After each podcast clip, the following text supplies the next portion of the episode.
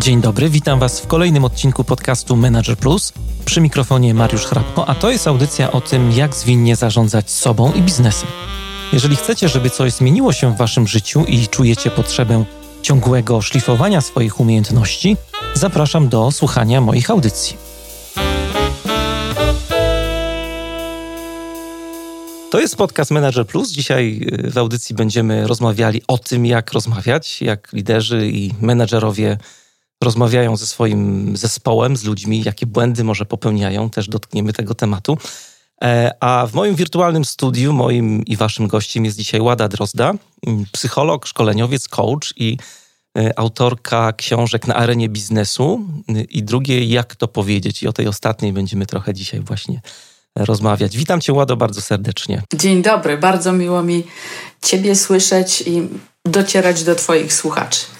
Taki trochę jestem onieśmielony dzisiaj, bo, bo ty jesteś moją, jakby nie było, taką koleżanką po fachu, można powiedzieć. Też tak to czuję, ale tym bardziej się czuję zaszczycona tym, że mnie zaprosiłeś do swojego podcastu, którego słucham i bardzo ciekawych rzeczy się stamtąd dowiaduję. E, więc Powiem ci prawdę, też mam trochę tremy, no. O, to super. E, bo ty przez kilka lat prowadziłaś e, swoją autorską audycję, która się nazywała Ład Emocjonalny w Radiu Chili Z, tak? Tak, były takie niespełna trzy lata, kiedy rzeczywiście pracowałam w tej stacji radiowej. Emocjonalny Ład to była właściwie ta sama nazwa. Ja ją sobie zabrałam, pozwolono mi ją zabrać po zakończeniu współpracy z radiem, tak. E, no i co ci dała ta praca? Chciałem tak podpytać na początek. Radiowa. No to przygoda życia, nie da się ukryć. Mhm. Y, bardzo y, taka konfrontująca mnie z różnymi rzeczami, ale no niesamowita dla mnie atrakcja związana z tym, żeby móc przygotowywać samodzielnie wedle własnego pomysłu audycje e, wokół zagadnień związanych z emocjami, co mnie pasjonuje, nie da się ukryć i zwłaszcza w kontekście e, różnych spraw dotyczących e, pracy, tak, wykonywania zawodów, najróżniejszych zresztą, i łączenia tych wątków emocjonalnych z tym, co się dzieje w pracy. Wydawałoby się, że dobrze byłoby to rozdzielać, tak? Jak sobie przypomnę starą szkołę uczenia e, ludzi, co to znaczy profesjonalizm, to raczej wtedy byli zachęcani do tego, żeby oddzielać życie emocjonalne od y, zawodowego. I mówię to oczywiście z pewnym przekąsem, mm. bo no dobra, znajdź takiego, który umie to oddzielić. Więc y, sytuacja, kiedy ja po latach mogłam sama podejmować decyzje, bo tak było, e, kogo zaprosić, o jakich aspektach emocjonalnego życia rozmawiać, a jednocześnie miałam takie e, nastawienie, taką misję właściwie trochę, żeby po pierwsze, pokazywać emocje, mówić o nich, nazywać je. My nie mamy takiej kultury, która byłaby nastawiona na to, żeby z emocjami obcować blisko, w mhm. sensie uczynić je ważnym, jawnym elementem naszego życia, umieć mówić o nich, nazywać je. My jesteśmy ubodzy w tej kwestii. No i trochę właśnie czułam taką misję, że otóż mogę to robić na szeroką skalę, docierając do słuchaczy. I mam wrażenie, że tak się stało, bo dziwnym trafem, jakoś w okolicach, kiedy ja tę audycję prowadziłam, zaczęłam obserwować różne ciekawe zjawiska. Na przykład to, w jak szerokiej liczbie różnych tytułów prasowych kwestia emocji zaczęła być podnoszona w taki wyraźniejszy sposób niż wcześniej. I w ogóle jak zaczęła ewoluować kwestia mm, tego, kogo zaczęto zapraszać do różnych stacji radiowych na przykład, albo kto zaczął być gościem różnych podcasterów, których nie było notabene tak wielu jak w tej chwili już.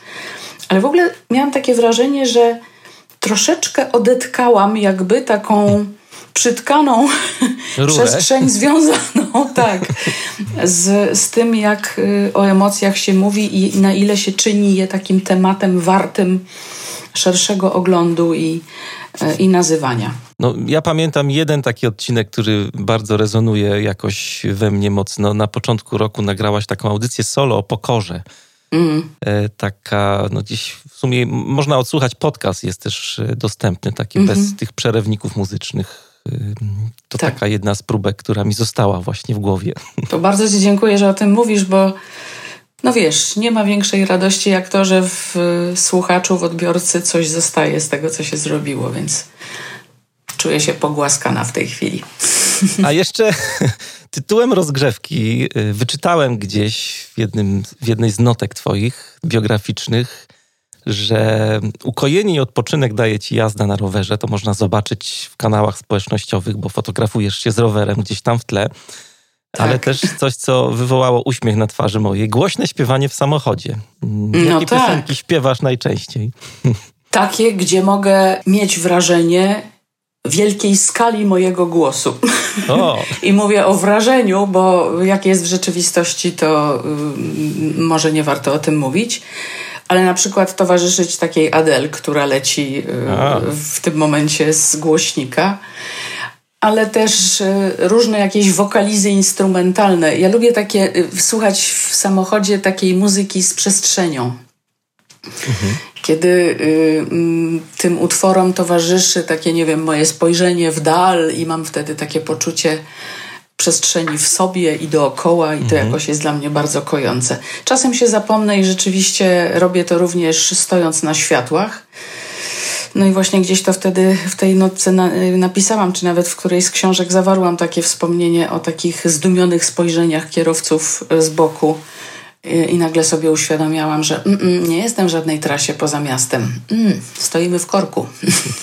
A ja muszę ci powiedzieć, że ja bardzo lubię właśnie być z boku i obserwować, głównie jak panie śpiewają, bo też mam takie obserwacje, że panowie raczej przez telefony rozmawiają niż śpiewają, a więcej pań spotykam, jak sobie jeżdżę na przykład po Krakowie i, i to jest bardzo urocze, bo y, kobiety właśnie śpiewają z taką dużą, jak mówisz, ekspresją, E, w aucie, robią z takim to dużym zaangażowaniem i, i, też kiedyś stałem na światłach na rondzie matecznym. No ja żałowałem, że, jed, że, że, światło się zmieniło na zielone, bo jedna pani obok mnie w Clio tak pięknie śpiewała i tak jeszcze gestykulowała. No to jest niesamowite. No wiesz, ta potrzeba ekspresji oczywiście jest sposobem na rozładowanie napięcia jakiegoś, tak?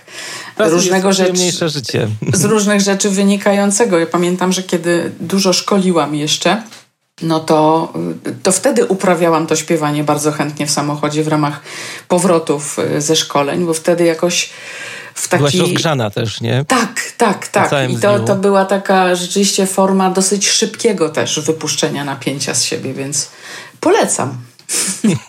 Śpiewajmy na światłach, nie tylko pani, ale też y, panów zachęcamy do różnych Jasne. śpiewów i wokali. A jakby taki chór? Hmm, teraz coś podrzuciłeś, słuchaj. Jest myśl.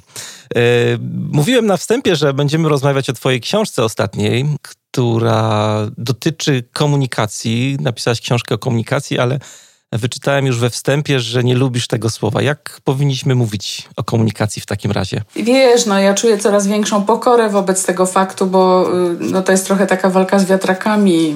Mówić o tym, że no, nie używajmy słowa komunikacja, choć powszechnie go używamy i ja sama też czasem oczywiście odruchowo tego słowa używam. Natomiast to się chyba bierze u mnie ta niechęć z takich czasów, kiedy jednak świadomość rozwoju ludzi w ramach ich działań zawodowych była na dużo, dużo niższym poziomie i powszechnym zjawiskiem, nie wiem czy ty się jakoś o to otarłeś jeszcze, było to, że klienci mówili: Nam potrzebne jest szkolenie z komunikacji. I ta komunikacja tak. to było pojęcie, które działało jak, jak to mówi jeden z moich przyjaciół, tak zwane pacaneum czyli pewna trawestacja słowa. Piękne. Panaceum, e, więc plaster na wszystko. Tak, też lubię to słowo. No i ta komunikacja to jest wszystko i nic. To znaczy, to, że my w tej chwili komunikujemy ze sobą, tak, tutaj będąc na tym komunikatorze, no to jest fakt. Natomiast ja mam poczucie, że my jesteśmy w kontakcie i my rozmawiamy. Ta rozmowa ma bardzo taką wyraźnie zarysowaną konwencję wynikającą z tego, w mhm. jakim celu ty ją przeprowadzasz ze mną. Jak pomyślę o tym, że co jakiś czas negocjuję z klientem, nie wiem, treść umowy albo stawki, albo coś tam jeszcze innego, zakres projektu, no to ja wtedy negocjuję, ja się z nim nie komunikuję. My też rozmawiamy, ale w celu negocjowania. Innymi słowy, chodzi mi zawsze o to, żeby jakoś doprecyzować, co to jest za rodzaj rozmowy, co to jest za rodzaj porozumiewania się wiesz, ta komunikacja to też jest takie pojęcie bardzo jakoś powiązane w moim odczuciu z e, językiem korporacyjnym, tak? Ja to słyszę nieraz od klientów, którzy mówią, no i poszła komunikacja. Mm, ciekawe, jak ona szła, ta komunikacja. Więc lubię po prostu doprecyzowanie. No jest coś na rzeczy na pewno z tym, y, o czym tutaj mówisz, że komunikacja jest takim powszechnym słowem też w kontekście szkoleń i różnych warsztatów i mhm. problemów komunikacyjnych. E, ja też przyznam się bez bicia, że jak sięgałem po twoją książkę, to tak no, miałem gdzieś taki głos w głowie, no co tam jeszcze można powiedzieć o tej komunikacji, no bo ileś książek przeczytałem. No pewnie. No i tak sobie myślę, ale, ale bardzo mnie wciągnęło już od y, pierwszych rozdziałów, to co tam piszesz. E, I mówiłem ci przed audycją, że wzięliśmy tę książkę na tapet y, w naszej platformie dla liderów Agile Leadership Tribe i już po tym, jak ogłosiłem, że ta książka jest y, naszą lekturą obowiązkową na ten miesiąc, to Ewa, jedna z uczestniczek, napisała i zacytowała jedno w zasadzie z pierwszych zdań, które się tam pojawiają, że rozmowa to narzędzie, które opiera się na kontakcie. Mhm. Zanim pojawi się jakiś kontakt, wcześniej pojawia się mm, intencja. Napisała, że to ją bardzo jakoś tak przykuło. Mm, to o czym piszesz? No bardzo się cieszę i z tej obserwacji tym bardziej jestem wdzięczna pani Ewie, że to zauważyła. E, e, to, to fakt. Wiesz, ta książka ma specyficzną dedykację, jak pewnie też zauważyłeś. Ja ją zadedykowałam wszystkim moim nauczycielom uważności i współczucia, bo ja się jakoś w pewnym sensie wpisałam w taki trend zainteresowania kwestiami no właśnie uważności i współczucia z mindfulnessem, który oczywiście tutaj jako hasło też y, powinien się pojawić. Bo nie ukrywam, że zgłębianie tych y, zagadnień związanych z uważnością współczucia w ogóle skierowało moją uwagę na inny, czy też taki mało praktykowany, mało stosowany sposób patrzenia na źródło rozmowy. I ponieważ y, byłam na takich studiach podyplomowych y, uważności i współczucia na SWPS-ie poznańskim mhm. i tam y, kierowniczka i autorka programu tych studiów, Julia Wal, mówiła bardzo dużo i zresztą w taki porywający sposób a propos właśnie intencji. Ja się, w, pisząc moją książkę, odwołałam do tej wiedzy dotyczącej uświadamiania sobie, właściwie z czego wynika fakt, że ja podejmuję rozmowę, że ja się decyduję coś wyrazić, coś powiedzieć. My jesteśmy nawykli do tego w naszym szybkim życiu, że my po prostu przechodzimy w działanie. A działanie nam świetnie zakrywa, często w bardzo dokładny sposób, czucie i taką refleksję właściwie w jakim kierunku działamy i z czego to działanie ma wynikać. Bardzo często jest to źródłem wielkich nieporozumień, bo to działanie jest szybsze niż owa refleksja. Kiedyś się mówiło w taki popularny sposób: szybciej mówi niż myśli. Dla mnie to się y, właśnie jedno z drugim bardzo styka. Jeśli nie jestem świadoma tego, jeśli nie, nie poddam takiej refleksji, jaka jest intencja mojej wypowiedzi, z jakiej mojej potrzeby ona wynika, to ja krótko mówiąc mogę spodziewać się dosyć nieoczekiwanych skutków tego, co sama powiem. Bo często nasza intencja nie jest tożsama z tym, co rzeczywiście wyrażamy i jak to wyrażamy. No i te problemy w komunikacji, o których ludzie bardzo często mówią, właśnie z tego się biorą, że mój odbiorca z mikrosygnałów, które ja wysyłam, werbalnych i niewerbalnych, czyta, że intencja mojej wypowiedzi jest inna niż to, co ja deklaruję. A w sytuacjach wszelkich, w których jesteśmy narażeni na konfrontację, na różnice interesów, na różnice potrzeb, i mam tutaj na myśli na przykład sferę pracy, bo przecież tak jest, że jesteśmy narażeni w niej na, na różnice podejść interesów, to jest natychmiast wyczuwalne, i to jest tak wszechobecne zjawisko właśnie w tym, co się dzieje w rozmowach pomiędzy menedżerami a pracownikami, współpracownikami, że ja jako no, praktyczka, tak jak powiedziałeś, szkoleniowiec i coach, bardzo często mam e, okazję pracować z ludźmi, którzy mówią o tym, jak to jest męczące i powszechne, te trudności w dogadaniu się. I moja teza jest taka, że to, co jest wtedy potrzebne, to to, żeby każda ze stron zrobiła krok wstecz i szczerze przyjrzała się, jaka była intencja tego, co chciałeś wyrazić, z jakiej twojej potrzeby to wypływało. I to jest obnażające, to jest niełatwe, żeby sobie to po pierwsze uświadomić, a już na pewno, żeby to wytłumaczyć tej drugiej stronie. No to jest taka droga trochę do autentyczności też, nie? W, w rozmowie. No, no trochę całkiem. tak to o tym myślę właśnie. A ta intencja, bo ja sobie sięgnąłem też, powołujesz się na panią Shapiro, y, panią psycholog, y, tak. która mówi o intencji e, to ta, ta, ta intencja jest tam rozumiana dużo szerzej niż my tak potocznie ją rozumiemy, bo intencja często nam się kojarzy z jakąś taką chęcią, na przykład wejścia w rozmowę, a tam to jest taki, no nie wiem, kompas, kierunek nawet. Takie określenia się pojawiają. Właśnie, i to jest ważne, że mówisz kompas, kierunek, i ważne, że nie mówisz słowa cel, bo intencja nie jest tożsama z celem. I to jest ta rzecz, która odróżnia intencję od, od mhm. celu. A mam wrażenie, że w naszym powszechnie używanym na co dzień języku zawodowym, zwłaszcza, zwłaszcza w biznesie, to się skleiło, tak? I często mhm. się mówi o tym, że celem tego, co chcę powiedzieć, jest to i tamto. Owszem, celem jest być może właśnie to, ale to właśnie ten cel pozostaje często niespójny z intencją. A ludzie czytają intencje. Ludzie obserwują, tak? Ja patrzę w tej chwili na Twoją twarz, Ty patrzysz na moją i widzimy szereg rzeczy związanych z ekspresją, prawda? Każdy z nas ma swoją charakterystyczną. I my z tej ekspresji niewerbalnej, ale też z modulacji głosu, z kontaktu wzrokowego, ze słów, jakich używamy, my czytamy, czy to się jedno z drugim rzeczywiście łączy. No i jeśli tutaj pojawia się ta niespójność między intencją a celem, no to już mamy ząg. Zachęcamy słuchaczy, jak będą czytać Twoją książkę. Jest y, ciekawa historia a propos tego, co mówisz jak prowadziłaś przedszkole domowe, ale nie będziemy tutaj spoilerować, więc zachęcamy do sięgnięcia po książkę i, i przeczytania tej, mhm. tej historii, bo jest bardzo ciekawa i też obrazowa. A ja bym chciał pójść dalej w tej naszej rozmowie i zapytać się o tą drugą rzecz, o której już mówiłaś wcześniej. To było dla mnie też bardzo y, odkrywcze wprowadzenie współczucia w ogóle do mhm. Y, kontaktów. Jak y, powinniśmy to rozumieć? Uważne współczucie w rozmowie.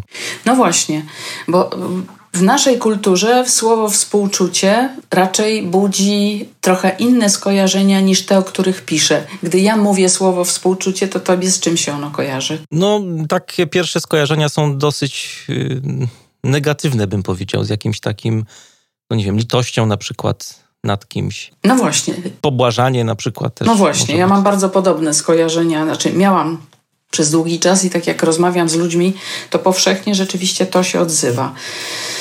I współczucie raczej jest kojarzone właśnie z takim politowaniem i yy, jeśli by przejść do działania, to z takim wyręczaniem kogoś, no bo taki jest nieporadny, taka gapa, no współczuje, może z jakiegoś powodu mu się nie udaje, mhm. w związku z tym zrobię coś za niego, załatwię i tak dalej. To swoją drogą mnie często prowadzi do takich rozważań, czym jest pomoc, e, pomaganie, ale to już jest trochę inny wątek.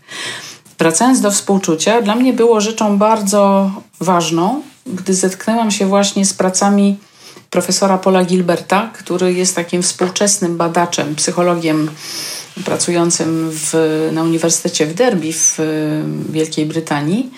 I on zajmuje się zagadnieniem współczucia i napisał na ten temat książkę między innymi książkę Uważne współczucie. I to, co jakoś mnie bardzo porusza, to takie cztery filary tego współczucia. I tutaj się mówi o odwadze, mądrości, życzliwości oraz zaangażowaniu, które też jest utożsamiane ze słowem odpowiedzialność. I co do pochodzenia współczucia, Gilbert pisze, że tak naprawdę to jest pewna nasza ludzka właściwość, która jest pierwotna w stosunku do empatii, której się dopiero społecznie uczymy. I te cztery filary współczucia, które wymieniłam, yy, dla mnie samej one jakoś porządkują yy, podejście do tego, czym to współczucie jest. I zdaję sobie sprawę z tego, że w wielu sytuacjach życiowych, wtedy kiedy z życzliwością i chęcią wsparcia drugiej osoby mówię jej o tym, co stanowi dla mnie trudność w kontakcie z nią, ale pod warunkiem, że moją intencją właśnie jest ta życzliwość.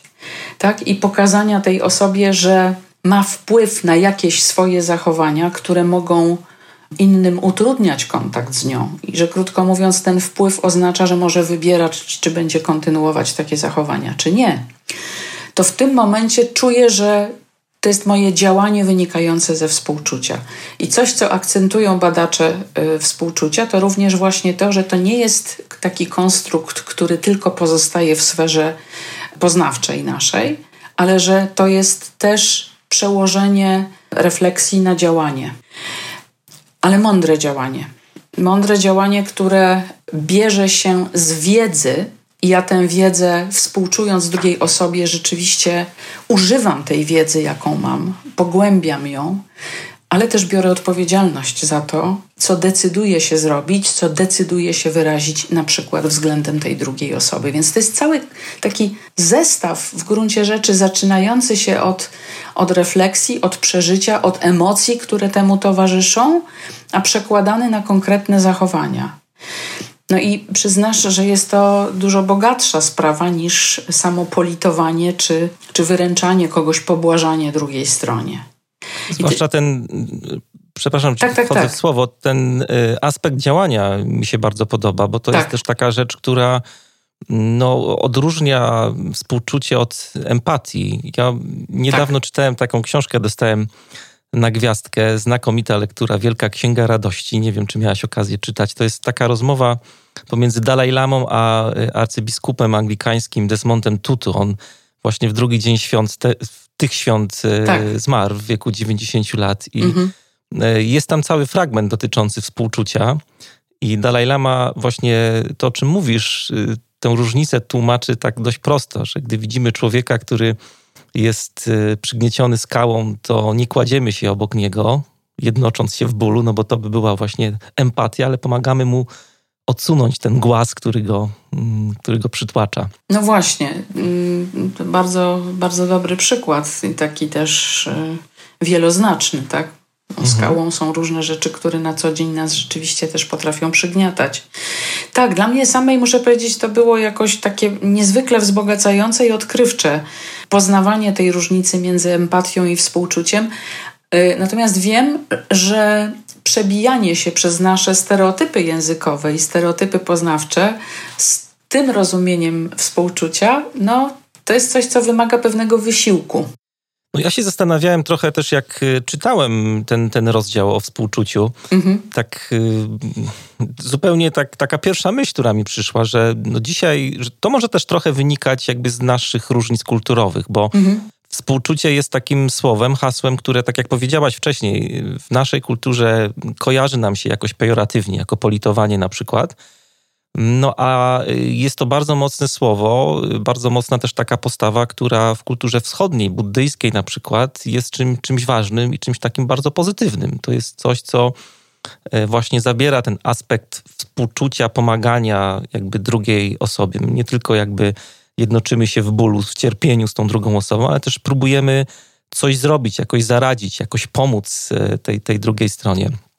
I w ogóle drugą taką myśl, którą miałem też, e, jak czytałem ten twój rozdział, że dzisiaj, e, tak obserwując w ogóle trendy w mówieniu o przywództwie w zarządzaniu, pojawia się dużo takich właśnie mm, postaw, słów, które właśnie w naszej kulturze są odbierane tak nie zawsze pozytywnie. No, chociażby to, co wspomniałem wcześniej, ten odcinek Twojego podcastu z ładu emocjonalnego o pokorze. Nie? Pokora też jest dobrym przykładem takiego mhm. słowa, postawy, która jest mało popularna e, w naszej kulturze firmowej, na przykład w naszej kulturze tutaj E, zachodniej, czy uważność, ale to są takie, takie rzeczy, które e, zyskują teraz, no nie chcę powiedzieć popularność, ale, ale zaczynają być ważne dla liderów. No tak. Y, w jakimś sensie można powiedzieć, y, że pandemia się przyczynia do tego, że ludzie robią trochę więcej refleksji na temat tego, w jaki sposób E, funkcjonują, na ile to jest, jak mam na myśli tutaj menedżerów, w jaki sposób oni e, są w relacjach ze swoimi pracownikami. No i można powiedzieć, że ta, ta sytuacja specyficzna, która nam się trafiła od blisko dwóch lat, wyświetla jak, jak mało co do tamtej pory różne zaszłości, różne rzeczy schowane pod dywan, konflikty, kryzysy, też nasze specyfiki, tak? jak my w ogóle na siebie, jak, jak się ustaliły nasze relacje, na poziomie jakich zachowań, które względem siebie czynimy i jak one strasznie zostały zweryfikowane, a w niektórych wypadkach kompletnie zdewaluowane właśnie e, poprzez fakt, że przestaliśmy mieć ze sobą bezpośredni kontakt offline, no tylko e, jest bardzo często e, jedyną możliwością być ze sobą w kontakcie online. I ja, ja stoję na takim stanowisku, że ten kontakt, o którym notabene też w tej książce staram się coś napisać, jak ja rozumiem w ogóle, czym ten kontakt jest, w moim odczuciu on jest możliwy online. Ale gdybym miała powiedzieć dlaczego, to u samej siebie identyfikuję to dlatego, że bardzo kultywuję u siebie postawę współczucia i nastawienie na to, żeby y, zgodnie z tymi czterema filarami, o których wspomniałam, E, rzeczywiście ten kontakt budować. To może, tak jak Ciebie słucham, trochę wynikać z tego, że, że no, liderzy czy menedżerowie byli przez lata przyzwyczajani do tego, żeby skupiać się na takiej energii, która wydawała się, że jest podstawowa w naszych e, firmach, w naszych zespołach, czyli działanie. O tym wcześniej mówiłaś trochę, czyli tak bardzo, tak. bardzo technicznie, no na przykład, nie wiem, na metodykach projektowych, na usprawnianiu różnych procesów, na celach, na definiowaniu mierników i tak dalej, i tak dalej. No a teraz jest taki czas i, i, i, jakby cała pandemia, tak jak mówisz, podkreśliła to takim grubym markerem, że ta inna energia, energia relacji czy, czy kontekstu, poczucia sensu, to wszystko jest ważne, e, czy, czy może ważniejsze nawet w tym trudnym czasie dla nas.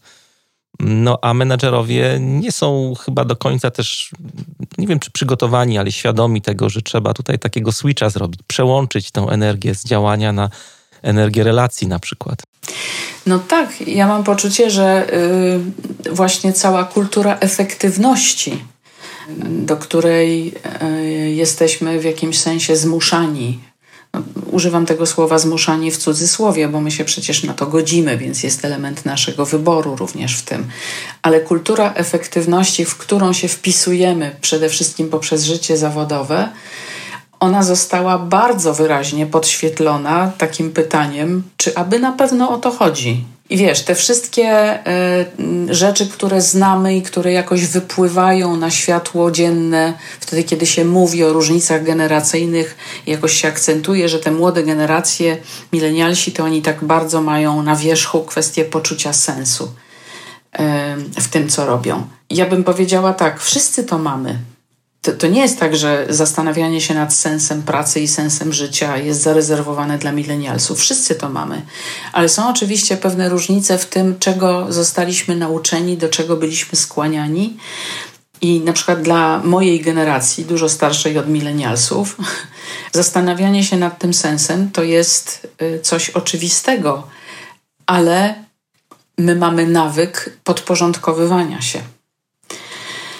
I ja bardzo jestem, że tak powiem, dumna z milenialsów, że oni potrafią e, stawiać na pierwszym planie swoje potrzeby. Nierzadko to też różnie bywa z tą świadomością mhm. tych potrzeb, ale w dużej mierze jednak jako um, jakaś taka kohorta, używając języka socjologicznego, to mają to wdrukowane, tak? A myśmy się wszyscy, my staruchy, myśmy się wszyscy uczyli asertywności i do tej pory do upojenia się jej uczymy. Tak, dla nas się wydaje, że to jest takie właśnie wbrew naturze trochę, nie do końca naturalne. Taka asertywność. Tak, tak, że jest w tym coś y, burzącego relacje, tym bardziej się opowiadam za tym, żeby zweryfikować to podejście, bo y, asertywność jest wpisana w, y, we współczucie takie mądrze rozumiane współczucie, jest wpisana właśnie dlatego, że zmusza do brania odpowiedzialności, do świadomości tego, jakie emocje się przeżywa i w jaki sposób się je wyraża. W ogóle ten rozdział o milenialsach, to muszę ci powiedzieć, tak używając języka milenialsów, że rozpykałaś temat.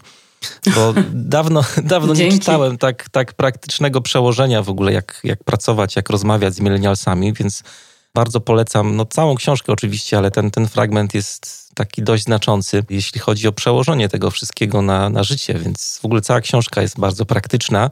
Ta pierwsza część jest jakby wprowadzeniem trochę w temat i tutaj rozmawiamy o współczuciu, o intencji i o rozmowie, ale e, mhm. cała reszta, dwie trzecie, to jest taka bardzo mocno nasączona praktyką opowieść. Cieszę się, że tak to widzisz. Rzeczywiście zależało mi na pokazaniu praktycznego podejścia, bo to tytułowe pytanie, które notabene nie jest mojego autorstwa jako tytuł książki. Wymyśliła mhm. je jedna z osób z działu marketingu w wydawnictwie.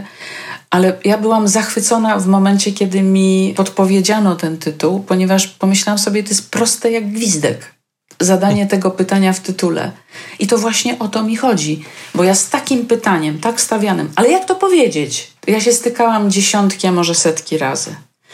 I nie wiem, jak ty w swojej pracy z liderami, czy, czy w swoich kontaktach zawodowych, ale ja jestem dziwnie przekonana i miałam na to setki dowodów w ciągu lat swojej pracy, że wiesz, można prowadzić y, bardzo ciekawe dyskusje, powoływać się na mnóstwo ciekawych publikacji, wystąpień, książek, nie wiadomo czego, rozwijać teorie, nawet pokazywać, jak te teorie w nas pracują.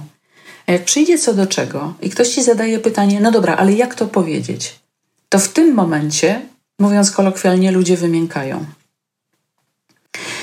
Bo na poziomie samej refleksji opowieści mogą sobie różne rzeczy wyobrażać, ale potem dobór słów, kolejność w wyrażaniu różnych elementów wypowiedzi, kiedy dopuścić do głosu rozmówcę, zdać sobie sprawę z tego, jaka jest moja intencja w tej wypowiedzi, jak w ogóle doprowadzić do tej rozmowy. To są różne, zdawałoby się, drobiazgi techniczne, ale to do nich sprowadza się cała trudność. I co z tego, że będę mieć głowę napchaną ogromną wiedzą, odniesieniami, cytatami i tak dalej. Jak przychodzi co do czego, patrzę na mojego pracownika i konstatuję na przykład to, że ja się boję tej rozmowy. Ponieważ ja nie wiem, jak mam to powiedzieć. Co z tym można zrobić w ogóle? Bo myślę, że menedżerowie, tak jak mówiliśmy wcześniej, bardzo dobrze sobie radzą, jeśli chodzi o rozmowy o tej energii działania o celach, o nie wiem, postępie pracy w projekcie, jakichś terminach, klientach, ale jak przechodzi do tej energii relacji, tego wszystkiego, co jest nad tym, to już tak prosto nie jest. Też y, słyszałaś wielokrotnie to pytanie, o czym ja mam z nimi rozmawiać, nie? Tak. No i tutaj wkraczamy w działkę, y, w którą, y, którą zajmujemy się i ty, i ja, szeroko pojmowany rozwój. Który sam w sobie jest pojęciem, jak to ja mówię, jak ścierka, bo jak się tak ścierką przejeżdża po blacie, to ona dużo rzeczy zgarnia. No tak. I zależy do którego fragmentu blatu tę ścierkę przyłożysz i z czego ona będzie i tak dalej, i mhm. tak dalej. Zatem ja jestem przekonana, że tak jak zresztą to w książce w jakimś momencie napisałam, z jednej strony możemy mówić o wysokiej ekspertyzie menedżerów, liderów, ekspertyzie w zakresie tego, co jest ich specjalnością zawodową, tak? związaną z wyborami, jakich, jak, jakie poczynili w życiu, edukując się tak, a nie inaczej. Ale jak przychodzi co do czego, jeśli chodzi o sam sprawowanie funkcji liderskiej czy zarządczej, to rzecz się zasadza na tym, co się powszechnie na świecie nazywa w tej chwili umiejętnościami realnymi. A u nas ciągle pokutuje nazwa umiejętności miękkie. Tak. I, I to dotyczy tego, na ile my jesteśmy nauczeni budowania relacji społecznych, na ile jesteśmy świadomi tego, na podstawie czego my ten kontakt nawiązujemy, jaka jest w tym nasza specyfika, e, jakie my mamy w tym sposoby własne, żeby kontakt nawiązać, na co my się odważamy, a czego unikamy, jakich tematów dotykamy, a których się boimy. I teraz, jak rzucam te wszystkie pytania, to dla mnie te pytania są istotą rozwoju liderów i menedżerów. Ja, ja się nie zajmuję ich ekspertyzą, tak? ich fachowością, tak? bo, bo to jest zupełnie inny fragment tego, co robią. Ale jeśli już ktoś się decyduje na to, żeby zarządzać ludźmi, to podejmuje się piekielnie odpowiedzialnego zadania, między nami mówiąc, dużo trudniejszego niż wszystkie inne. Mam takie poczucie, że mhm bycie w relacjach z innymi ludźmi, z jednej strony to jest taki aspekt naszego życia, który jest najbardziej gratyfikujący, a z drugiej strony najtrudniejszy i najbardziej kosztowny, bo nie ma na to żadnego algorytmu, nie ma na to żadnego przepisu, prawda, że jakiś sposób zadziałania w 100% się sprawdzi. My możemy tylko praktykować i uczyć się wrażliwości na to, jak ta nasza praktyka oddziałuje na innych ludzi i patrzeć na efekty. No i ten aspekt rozwijania się w zakresie umiejętności realnych to jest coś, co w moim odczuciu jakoś y, no, już od lat y, stanowi istotę y, rozwoju w funkcjach liderskich, ale też wydaje mi się, że to nabrało jakiegoś większego pogłębienia i takiego przyspieszenia w ostatnich czasach. Między innymi właśnie ze względu na warunki pracy, jakie nam się zmieniają, choćby z racji pandemicznych. No i jedną z rzeczy, o których mówiliśmy wcześniej też, jest taki lęk przed wejściem w rozmowę i yy, chciałem cię zapytać, czy, czy dotknąć tematu motywacji tutaj tak bardzo konkretnie, bo mhm. wielu liderów, zresztą też nawiązujesz trochę do tego w książce, boi się takich rozmów e, z pracownikami, bo no, boją się roszczeń tych takich po stronie pracowników. No jak mają motywować zespół, skoro nic nie mogą, skoro nie mogą im zapewnić podwyżki, nie mogą dać jakiejś premii i zasłaniają się jakby tymi takimi finansowymi aspektami. Czy rozmowa faktycznie mo może motywować? Czy, czy czy wierzysz, że rozmowa ma taką moc? No ja stoję na stanowisku, że motywowanie jest oparte na rozmawianiu i że to jest nasze podstawowe narzędzie motywacyjne. Ja rzeczywiście nierzadko słyszę ze strony menedżerów: nie mamy narzędzi, nie mamy jak. Mhm. Budżety zamrożone, płace zamrożone, y, inne ważne strategiczne cele organizacji, nie mamy jak.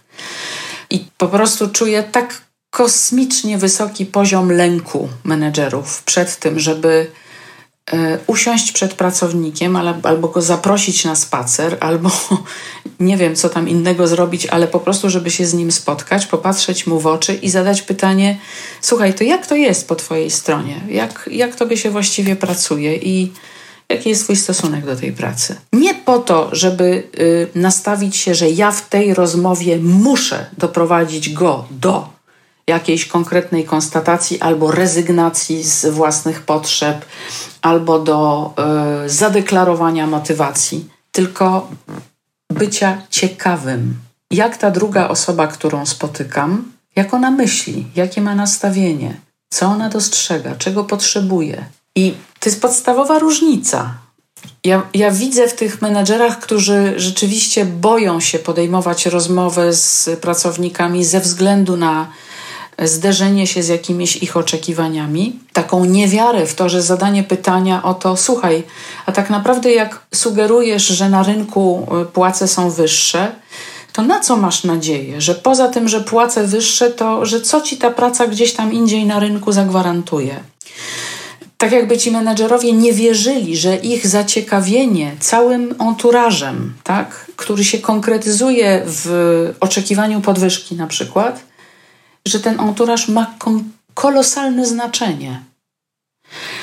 I ja naprawdę mam głębokie przekonanie, że wtedy, kiedy my z takim zaciekawieniem naszych pracowników pytamy o to, co właściwie sprawia, że oni tę pracę wykonują albo że myślą o jej zmianie, z jakich ich potrzeb to wynika, że to nie jest przekraczanie granic profesjonalizmu, bo bardzo często jeszcze tym się zasłaniają menedżerowie, prawda? Ja nie mogę pytać o kwestie prywatne. Mhm.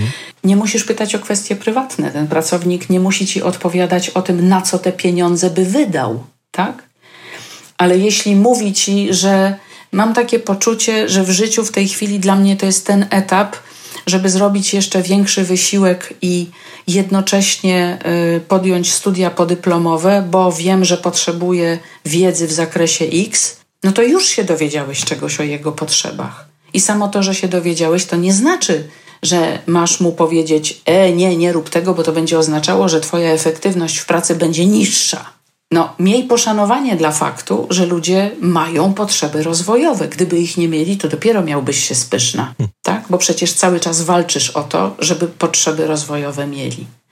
Tylko, że to wymaga ze strony liderów głębokiego poczucia, że ja mam prawo jako lider pytać o takie rzeczy, ja mam prawo oprzeć się na swoim zaciekawieniu, nie w ścipstwie, tylko zaciekawieniu tą drugą osobą i że moja liderska funkcja uprawnia mnie do tego, żeby rozmawiać nie tylko o efektywności, która po prostu ludzi drenuje i zabiera poczucie rzeczywistego kontaktu. Ludzie potrzebują tego kontaktu, również po to, żeby potem móc dowozić wyniki. Ja tak sobie myślę, jak Ciebie słucham, że no często ten brak y, ciekawości, który jest w głowach liderów, bierze się stąd, że no blokują go różne jakieś takie założenia, przekonania, które mamy, że ta efektywność to jest coś, o czym powinienem rozmawiać, a ciekawość, czy, czy tak jak powiedziałaś, prywatność to już jest coś, co nie wypada, bo tam jest jakaś magiczna granica.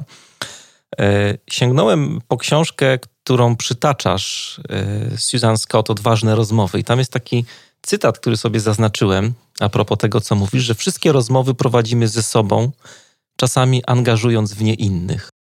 Trzecia idea transformacyjna, tak jak to nazywa hmm. Susan Scott. Mhm. Mhm. To jest to właśnie coś, co nas może blokować w naszych, w naszych głowach przed y, tymi wszystkimi takimi odważnymi rozmowami. E, I mhm. Jeszcze zanotowałem sobie dwa takie lęki, które się pojawiają y, u menedżerów, liderów. To jest lęk przed negatywną informacją zwrotną i drugi lęk to jest lęk przed y, chwaleniem, może brak komfortu przed chwaleniem, to jest lepsze słowo. Ale to są też dwie takie rzeczy, na które menedżerowie zwracają uwagę, ale mają problemy właśnie z tym, żeby tak udzielić negatywnej informacji zwrotnej albo pochwalić y, pracownika. Tak, i ma to wiele wspólnego z tym, y, co powiedziałeś wcześniej, kiedy użyłeś określenia założenia. Y, założenia i przekonania, może to są jakieś synonimy. My, ludzie, jesteśmy pełni najróżniejszych założeń i przekonań. Wokół dawania informacji zwrotnej, ze staropolska zwanej feedbackiem, mhm. Y, bo takie określenie zrobiło też wstrząsającą karierę w naszych realiach, trzeba powiedzieć to, jak bardzo jest to temat drażliwy, to pewnie my to doskonale wiemy, stykając się w celach edukacyjnych z naszymi odbiorcami. Ale rzeczywiście to są pewne założenia, które mówią, że dawanie ludziom informacji o tym, co nie działa korzystnie w relacjach z nimi, w ich zachowaniu, czyli coś, co się potocznie nazywa krytyczną informacją zwrotną, że to jest coś, co może zaburzyć relacje że to jest coś, co jest bardziej szkodliwe niż wnoszące. Bo to działa też po stronie pracowników, nie? Bo to też y, taki feedback ze strony Bo tego jesteśmy uczeni, tak. tak? Żeby się nie narażać. Na najróżniejsze sposoby jesteśmy tego uczeni, ale dużo wcześniej niż w szkole nawet. Nie podkładaj się. Nie mów ludziom przykrych rzeczy, tak? Nie, e, nie ryzykuj. Tymczasem, jak przychodzi co do czego, by bardzo szybko w życiu przekonujemy się, że to właśnie dzięki temu, iż dostaniemy taką informację zwrotną, krytyczną, my możemy się czegoś nauczyć, bo świat nie jest, yy, nie dokonuje postępu wyłącznie na tym, że jesteśmy chwaleni. Ale kłopot polega na tym, że w naszej szerokości geograficznej nam brakuje i tego, i tego tak? Bo wokół dawania pozytywnej informacji zwrotnej panuje cała gama przekonań pod tytułem nie, nie wolno, bo to ludzi rozwydrza, bo to daje ludziom przesłankę do tego, żeby właśnie budować roszczenia, żeby wymagać w irracjonalny sposób itd., tak itd. Tak I można powiedzieć tak, e, wtedy kiedy używasz jako chwalenia ogólników typu super, ekstra, fajnie, albo świetnie to zrobiłeś, rzeczywiście to nie znaczy nic, kompletnie nic. To jest puste i irytujące. I to wymaga takiego samego wysiłku, jak y, zbudowanie negatywnej informacji zwrotnej, tak? I chwalenie, ja, ja czasem w ogóle myślę, że chwalenie jest dużo trudniejsze niż dawanie krytycznej informacji zwrotnej, bo to wymaga zastanowienia się, co konkretnie w działaniu tej drugiej osoby tak przykuło moją uwagę, że jestem skłonna precyzyjnie to nazwać i pokazać tej osobie, że taki rodzaj umiejętności, taki sposób zareagowania, taki rodzaj jej aktywności przyczynił się do czegoś, skorygował coś, rozwiązał i tak dalej, i tak. No właśnie, znów, jeśli moją intencją jest pochwalenie albo moją intencją jest skorygowanie czegoś, no to po pierwsze muszę zdać sobie sprawę z tego, że to naprawdę to jest moją intencją. Bo jeśli moją intencją jest tylko zredukować moją własną irytację z powodu tego, co wzbudziło ją w zachowaniu y, mojego współpracownika, na przykład, no to, y, to nie będzie informacja zwrotna, tylko agresywny komunikat, który rzeczywiście wprowadzi o wiele więcej zamieszania niż pożytku. A jeśli pochwała wynika z takiej intencji, że no dobra, dawno ich nie chwaliłem, to powiem im coś fajnego, no to przybiera to często postać właśnie takich nic nieznaczących ogólników i pracownicy doskonale czują, że to jest na odwal się, mówiąc kolokwialnie. Przy pochwałach to jeszcze jest taki czynnik wychowawczy czy rodzinny. No jesteś psychologiem, więc doskonale wiesz, że możemy, czy, czy liderzy mogą pochodzić z takich rodzin, gdzie pochwał nie było po prostu. Ciężko im się jest przełączyć później w pracy bez przenoszenia tych sytuacji na relacje z pracownikami. Oczywiście, że tak. I tutaj dotknę czegoś, co może zabrzmi dość przerażająco, ale ja, ja mam, im jestem starsza, im więcej widzę, jak to funkcjonuje w tym życiu zawodowym. Ja bardzo często mam takie poczucie, że rozwijając y, ludzi w aspekcie ich umiejętności realnych, ci, którzy zajmują się szeroko rozumianym pomaganiem w edukacji, dotykamy zaszłości u osób, które są naszymi klientami, odbiorcami naszych usług to zaszłości właśnie związanych z modelami wychowawczymi, z e, wartościami, które zostały tym ludziom wpojone, z e, nawykami dotyczącymi, jak, jak się wypowiadać, to jest po prostu bezmiar roboty. Jest taka y, fajna książka, na którą kiedyś trafiłem. Niestety jest trudno dostępna i kosmiczne ceny są e, na różnych serwisach. Lider na kozetce, Manfred Ketz de Vries. To tak przy okazji możemy polecić. To jest człowiek, który, psycholog, który pracuje z biznesem dość mocno i bardzo często odnosi się do tego, co mówisz, do tych różnych takich zaszłości i zaburzeń też w życiu liderów E, które przenosimy później z rodzin i z naszej historii, z tych różnych naszych narracji na, na te właśnie relacje, które mamy w pracy. Mhm. Tak, ten tytuł jest znamienny. Zresztą nie wiem, czy się z tym stykasz, czy, czy, czy w ogóle to jest obszar Twojej działalności, ale ja, jeśli kolejnym moim klientom, a taki mam obyczaj, y, mówię, co dla mnie oznacza coaching i jak ja pracuję jako coach, to, to nierzadko się stykam z taką refleksją, a to coś jakby na kozetce. No, no i wtedy spokojnie tłumaczę, że jednak y, to jest zupełnie co innego, ale to też jest informacja o tym, jak jest to lękotwórcze dla ludzi, prawda? Takie obnażanie się po to, żeby pokazać, swoją niewiedzę, swoją niepewność, swoje lęki, swoją potrzebę jakoś obudowania tych wszystkich rzeczy w momencie, kiedy czują, że, że przestali umieć oddziaływać na swoich współpracowników albo że naprawdę nie umieją odpowiedzieć na ich potrzeby. E, wywołałaś tak e, mimochodem temat coachingu, jesteś coachem też, e, tak jak wspominałem na początku. Tak. E, I mam takie pytanie a propos właśnie tego, co służy dobrej rozmowie.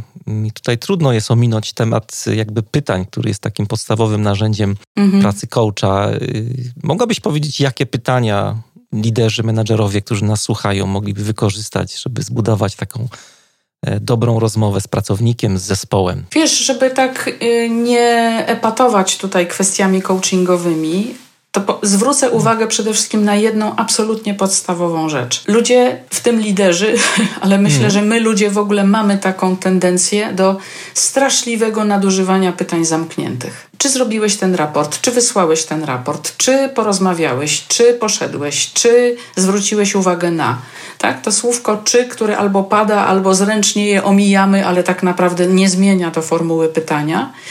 To wszystko sprawia, że najczęściej jak się tak dobrze wsłuchać, liderzy bombardują e, swoich współpracowników i pracowników pytaniami w taki sposób, który ludzie odbierają jako ostrzał artyleryjski. Z bardzo dużą niechęcią się do tego odnoszą i bardzo często nie znoszą tych rozmów właśnie dlatego, że czują się po prostu ostrzelani i przyparci do muru. Więc to, na co ja zwracam bardzo często uwagę, to na to, żeby przeformułowywać pytania na otwarte. To tak na poziomie technicznym. W jaki sposób zabrałeś się do pisania tego raportu? To jak zamierzasz wykorzystać yy, dane stamtąd i stamtąd? Z kim chcesz współpracować po to, żeby powstała ta decyzja? No, strzelam w tej chwili przykładowymi mhm. pytaniami tylko po to, żeby unaocznić tę różnicę między pytaniami zamkniętymi i otwartymi, żeby była jasność. Na każde pytanie otwarte również można odpowiedzieć tak lub nie, jak się ktoś uprze. Ale Zależy funkcja, tak, ale funkcja tych pytań jest kompletnie inna.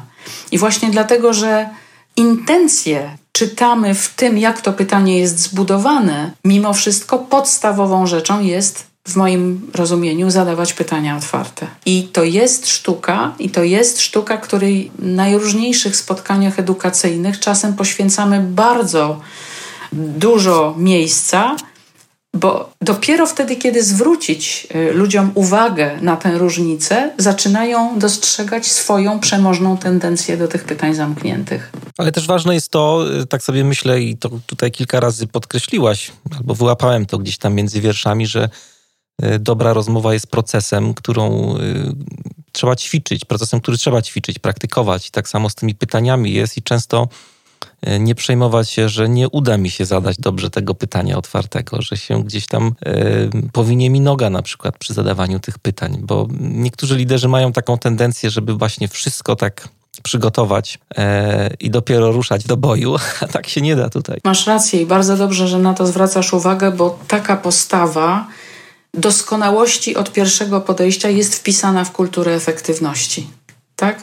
Menedżer, jeśli już nawet poświęci czas i przyjdzie na to szkolenie albo odbędzie mhm. jakąś tam sesję rozwojową, chce dostać takie wskazówki, które jeden do jednego pozwolą mu od razu zastosować i od razu mieć najlepszy pod słońcem efekt. I bardzo często to, z czym się musi zmagać, to to, że uczenie się nie następuje w taki automatyczny sposób i że on się natyka na własne ograniczenia wtedy i dopiero kiedy je zidentyfikuje, to może zacząć praktykować pewną zmianę. I to ludzi często wkurza po prostu, że to musi trwać. Ale akurat w przypadku prowadzenia rozmów nie ma innego rozwiązania, jak to, żeby prowadzić je, ćwiczyć, ćwiczyć, ćwiczyć.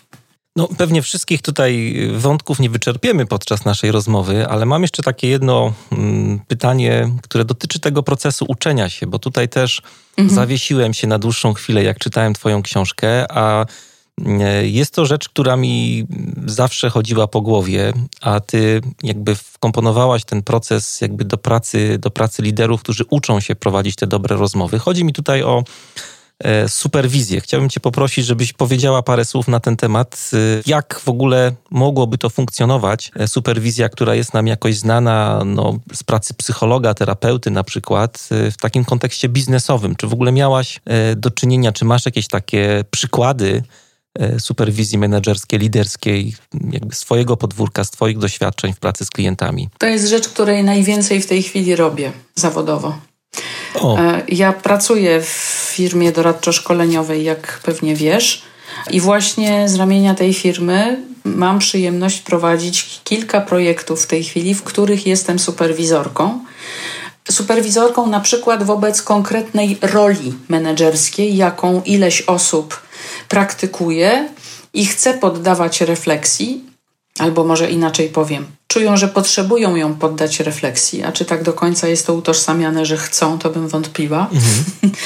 No ale to tak jest, że to, czego potrzebujemy rozwojowo, nie zawsze jest tożsame z naszymi chęciami, bo chęci idą w tą stronę, która jest łatwa, a mhm. potrzeby raczej wymagają zmagania się. No ale wracając do projektów superwizorskich, to są to jest coraz bardziej rozpowszechniająca się tendencja w bardzo wielu organizacjach, w których Zazwyczaj to są jednak liderzy, rzeczywiście, ale organizacje dojrzewają do tego, że superwizja, zwłaszcza superwizja grupowa, siła grupy się po prostu jeszcze w toku takich działań ujawnia, to jest bardzo dobre narzędzie, które pozwala ludziom przyjrzeć się, jak funkcjonują w danej roli, jak robią to, co robią i na jakie wyzwania ich to natyka I gdyby podać przykłady takich tematów, które y, w trakcie superwizji wypływają, to wszelkie tematy, w których y, menedżerowie przychodzą i mówią: Wkurza mnie ten pracownik. Wkurza mnie, bo robi to i tamto. No i poddajemy to wtedy oglądowi. Już nie będę opowiadała w tej chwili o strukturze takiej mhm. sesji superwizyjnej, bo to może zbyt dużo szczegółów, ale ten temat poddajemy oglądowi. Co, co cię takiego w tym wkurza i właściwie jaki jest twój wkład w to, że to się dzieje. Więc w tym sensie jest to praca nad nastawieniem i sposobem reagowania tej osoby na wkurzającego go, powiedzmy, pracownika ale też wszelkie sytuacje niejasności. Dlaczego mój pracownik ucieka od rozmów ze mną? Dlaczego nie podejmuje kontaktu wtedy, kiedy ja tutaj zdawałoby się z pełną otwartością je proponuję? Jest mnóstwo na co dzień, tysiące zjawisk, które dzieją się w relacjach menedżerów z pracownikami, które są odległe od zadań wykonywanych przez pracowników, stricte zadań, a które mają kolosalny wpływ na to, jak wyglądają y, relacje, o czym się rozmawia, czego się unika, gdzie są napięcia, a gdzie nawet powstają konflikty. I w takich dojrzalszych organizacjach poddaje się to właśnie refleksji, choćby właśnie w postaci superwizji grupowej. I tak, sama, e, samo pojęcie superwizja jest bardzo związane z obszarem psychoterapeutycznym, niewątpliwie. Mm, natomiast patrząc na takie zagadnienie e, od strony ról, jakie pełnią zawodowo na przykład menedżerowie czy liderzy, lub na przykład liderzy powołani do ról mentorów albo coachów, to można superwizyjnie zajmować się tym, jak oni w tych rolach się sprawdzają. Bo ja sobie myślałem też y, a propos superwizji, tak jak jest właśnie przy, przy terapeutach, nie? Że, że inny spec z tego samego obszaru pomaga, czy tam superwizjonuje. Tak się mówi? Superwizjonuje. Superwizuje. Super, superwizuje, mhm. o, dzięki. E, jakby innego terapeuty, to tak sobie myślałem, że też y, w ramach, no niekoniecznie zatrudniania eksperta, tak jak ty jesteś osobą z zewnątrz, co jest niewątpliwie bardzo pomocny, ale na poziomie jakby grupy liderów w organizacji można sobie coś takiego zorganizować. Nie? Czyli ja proszę jakiegoś innego lidera z mojej firmy, e, żeby się temu, czy, czy temu, co robię, poprzypatrywał z boku. I ludzie bardzo często tak robią, tak? Idą do kolegi, do którego mają duże zaufanie, bo to to jest jeszcze wyznacznikiem, tak? Że muszę mieć zaufanie do tej osoby, do której się zwrócę. No i mówią Przemek, Hania, Franek, wiesz co, już nie wyrabiam, tak? Albo powiedz mi, co ty myślisz o. To jest nic innego jak taka prośba o ogląd zewnętrzny, tylko ubrana w mhm. bezpieczną e, formę y, rozmowy koleżeńskiej. Wtedy, kiedy rozmawialiśmy przed chwilą o kwestii superwizji, no to ma to po prostu już taki wymiar formalny, projektowy, kiedy y, umawiamy się po prostu na to, co jest obszarem, na którym będziemy z tą superwizją działać. I to są takie spotkania ad hocowe, czy raczej masz sesje regularne z liderami? Nie, regularne sesje, regularne sesje, które są y, ujęte całością projektu i które mają no, takie dość stałe odstępy między sobą, trwają konkretną ilość godzin. Y, jest struktura takiego spotkania, jest spotkanie wstępne, podczas którego tworzymy kontrakt. Y, umawiamy się na to, jak ta struktura będzie wykorzystywana podczas poszczególnych spotkań. No i ktoś może powiedzieć, no dobra, ale grupowa, no przecież właściwie jak to zrobić, y, żeby ludzie wszyscy skorzystali z takiej grupy? No to mogę powiedzieć tak. Właśnie siła grupy polega na tym, że nawet jeśli jedna osoba pracuje nad jakimś swoim zagadnieniem na tle grupy, to wszyscy inni się w tym zagadnieniu przeglądają bo okazuje się, że my, nawet jesteś, będąc w roli obserwatorów, bardzo często doskonale wiemy, że taka trudność i nam się pojawia. Mam y, jedno pytanie na koniec. Y, jest taki rozdział, który mnie urzekł i bardzo się cieszę, że o tym napisałaś. Językowe maniery i błędy.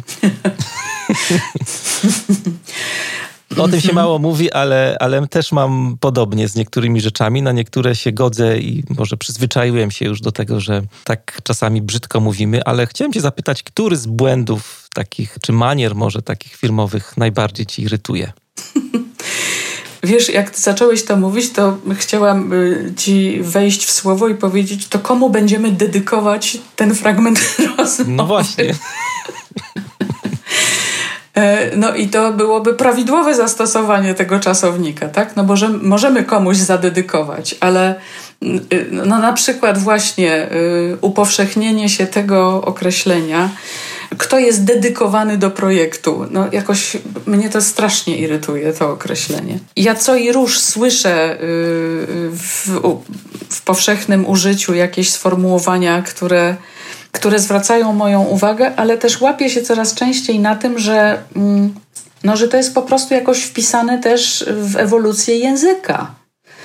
I że w gruncie rzeczy. Ściąganie angielskiego, nie? Bo to jest głównie ten no, problem. No na przykład, tak. I że mm, walka z tym jest być może jakimś takim zacietrzewianiem się trochę niepotrzebnym, no bo no bo krótko mówiąc, ta ewolucja języka jakoś jest związana cywilizacyjnie z tym, jak się wszyscy rozwijamy.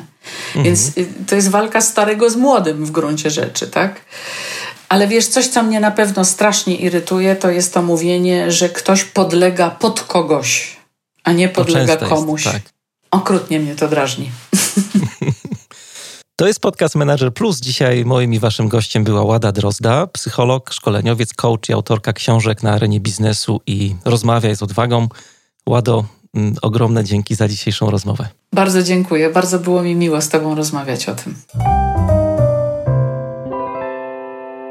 Bardzo y, ci dziękuję, że do końca wysłuchałeś tej e, bardzo ciekawej rozmowy. E, na koniec mam jeszcze takie dwie rzeczy. Jedna rzecz to mm, tradycyjnie chciałbym cię poprosić o pomoc w marketingu szeptanym a propos podcastu Manager Plus, jeżeli tylko masz e, w swoim otoczeniu, wśród swoich znajomych kogoś, komu e, być może treści, które tutaj e, publikuję w podcaście Manager Plus, mogłyby się w jakikolwiek sposób przydać, to daj mu znać o podcaście albo no, zostaw kilka gwiazdek lub jakąś opinię wyszukiwarce iTunes. To wszystko bardzo mocno pomaga w rozpropagowywaniu podcastu Manager Plus do takiego szerokiego grona odbiorców, na czym mi e, bardzo zależy. I druga rzecz, ja ostatnio wspominałem, że dość intensywnie pracuję od kilku tygodni nad e, moim nowym produktem. E, tym produktem jest kurs online, drugi kurs online po Scrum Assistance i tym razem ten kurs będzie mocno dedykowany wszystkim liderom, którzy chcą popracować e, nad swoimi wartościami. Mm, kurs będzie miał tytuł Znajdź swoją północ, techniki pracy z wartościami dla zwinnych liderów. E, I tutaj od razu powiem, że nie mam na myśli liderów, którzy tylko i wyłącznie pracują z metodami agile. Absolutnie nie ma tutaj to większego znaczenia. Każdy lider, który chce przemyśleć to, co jest dla niego ważne, to, czego chcę w życiu bronić, e, to w jaki sposób chcę się zachowywać, myślę, że z tego kursu e, skorzysta. Ja pamiętam sam, jak e, dobrych kilka lat temu tak po raz pierwszy świadomie usiadłem i chciałem coś z tym czymś, co się nazywa wartość w życiu, tym, co jest ważne, zrobić, określić jakąś swoją taką gwiazdę polarną, no to miałem problem, bo no nie miałem takiego gotowca, który by mi pomógł e, to zrobić. Czytałem o wartościach w różnych książkach. Czytałem u Brené Brown, czytałem u mm, e, Kevina Mareya, Billa George'a. E, dużo takich rzeczy pojawiało się też w kontekście mm, filozofii starożytnej, stoicyzmu, psychologii. To wszystko gdzieś tam zbierałem, zbierałem, aż w końcu na zasadzie prób i błędów, różnych eksperymentów ułożył mi się jakiś taki model działania i tym modelem działania chciałbym się z Tobą bardzo serdecznie mm, podzielić. Ten kurs y, składa się z pięciu modułów. Wiem, że jesteśmy wszyscy zabiegani, jest tych kursów całe mnóstwo, ale e, pomyślałem sobie, że zrobię go na zasadzie takich właśnie małych porcji wiedzy, takiego trochę snack and learn, takiego przegryzania się wiedzy, żebyś mógł w miarę szybko i sprawnie nad tym kursem pracować. Nie będziesz potrzebował wielu tygodni, żeby się z nim uporać, bo często trudno jest takie kursy skończyć, łatwo się zaczyna, ale skończenie już jest e, dużo gorzej. E, przejdziemy sobie od takich wartości indywidualnych w życiu lidera, spróbujemy zdefiniować wartości indywidualne, to co jest ważne w życiu każdego lidera, i to będzie nasz punkt wyjścia. Później popracujemy trochę nad celami, które będą wyznaczane na podstawie wartości, aż skończymy na takim zaangażowanym działaniu, które z wartości powinno jak najbardziej wynikać. Na koniec e, jeden moduł jest przeznaczony do pracy z wartościami w zespole i to jest też taka rzecz, e, z którą bardzo dużo pracuję na co dzień z liderami. Mianowicie, jak e, wdrożyć wartości, jak pracować z wartościami w zespole. No i tutaj przygotowaliśmy cały moduł, który właśnie temu tematowi będzie poświęcony. W całym kursie, oprócz różnych takich zagadnień pogłębiających, bo są tam też materiały, pomyślałem o takich liderach, którzy już mają jakoś temat wartości przepracowany, ale e, może nie tyle chcą sobie go odświeżyć, do czego też zawsze zachęcam, ale mm, no chcą sobie niektóre swoje wartości pogłębić. To też jest cały moduł, który e, składa się z narzędzi, które pomogą ci pogłębić wartości, które, które już masz, e, pozwolą ci lepiej te wartości jakoś zrozumieć i przetrawić. Ale kurs nie jest tylko dla świeżaków. Nie miałem na myśli tutaj tylko liderów, którzy właśnie Mm, zaczynają, ale też liderzy, którzy mm, właśnie y, chcą ten temat jakby na nowo przepracować. Myślę, że też tutaj dużo y, fajnych rzeczy znajdą. Odpalamy niebawem, bo y, chcielibyśmy to zrobić już za tydzień. Mam nadzieję, że uda się to zrobić i będzie możliwość już dostępności tego produktu właśnie na platformie Teachable, na której mm, cała moja zwinna szkoła stoi, zwinneszkolenia.pl. Tam E, też jest landing e, tego produktu i zachęcam Cię, żebyś tam zerknął. Będę oczywiście też w kolejnym podcaście na ten temat e, mówił, więc na pewno ta wiadomość się nie przeoczy. Bardzo dziękuję za dzisiaj. Ja się nazywam Mariusz Hrabko. Mm, trzymajcie się i do usłyszenia niebawem.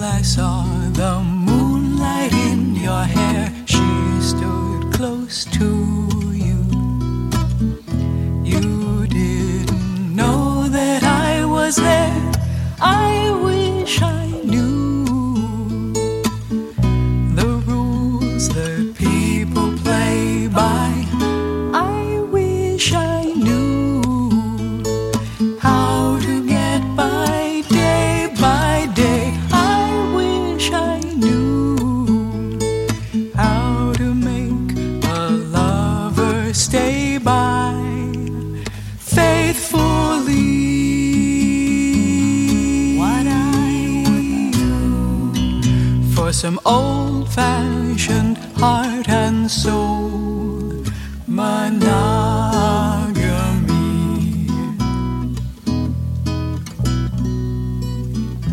Have I been foolish? Have I been walking half asleep? I started coolish. Now I am in it way too wish I knew the physics of emotion. I wish I knew the chemistry of what makes feelings flow. I wish I knew why desire and devotion fade.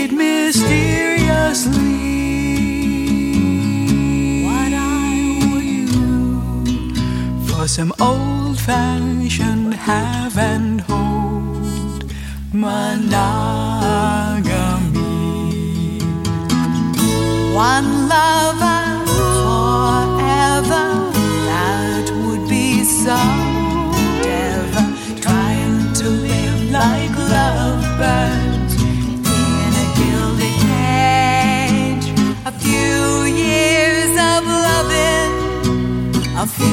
tears on leaving. That's the best we hope for in this day and age. Well, that's the story. Well, that's the way it always goes. Please don't feel sorry. I came out smelling like a rose.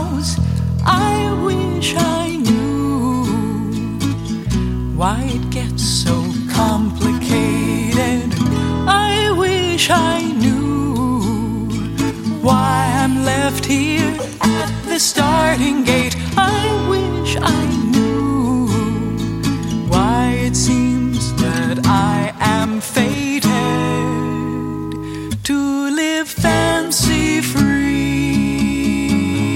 I for some old fashioned good as gold monogamy for some old fashioned good as gold, my night.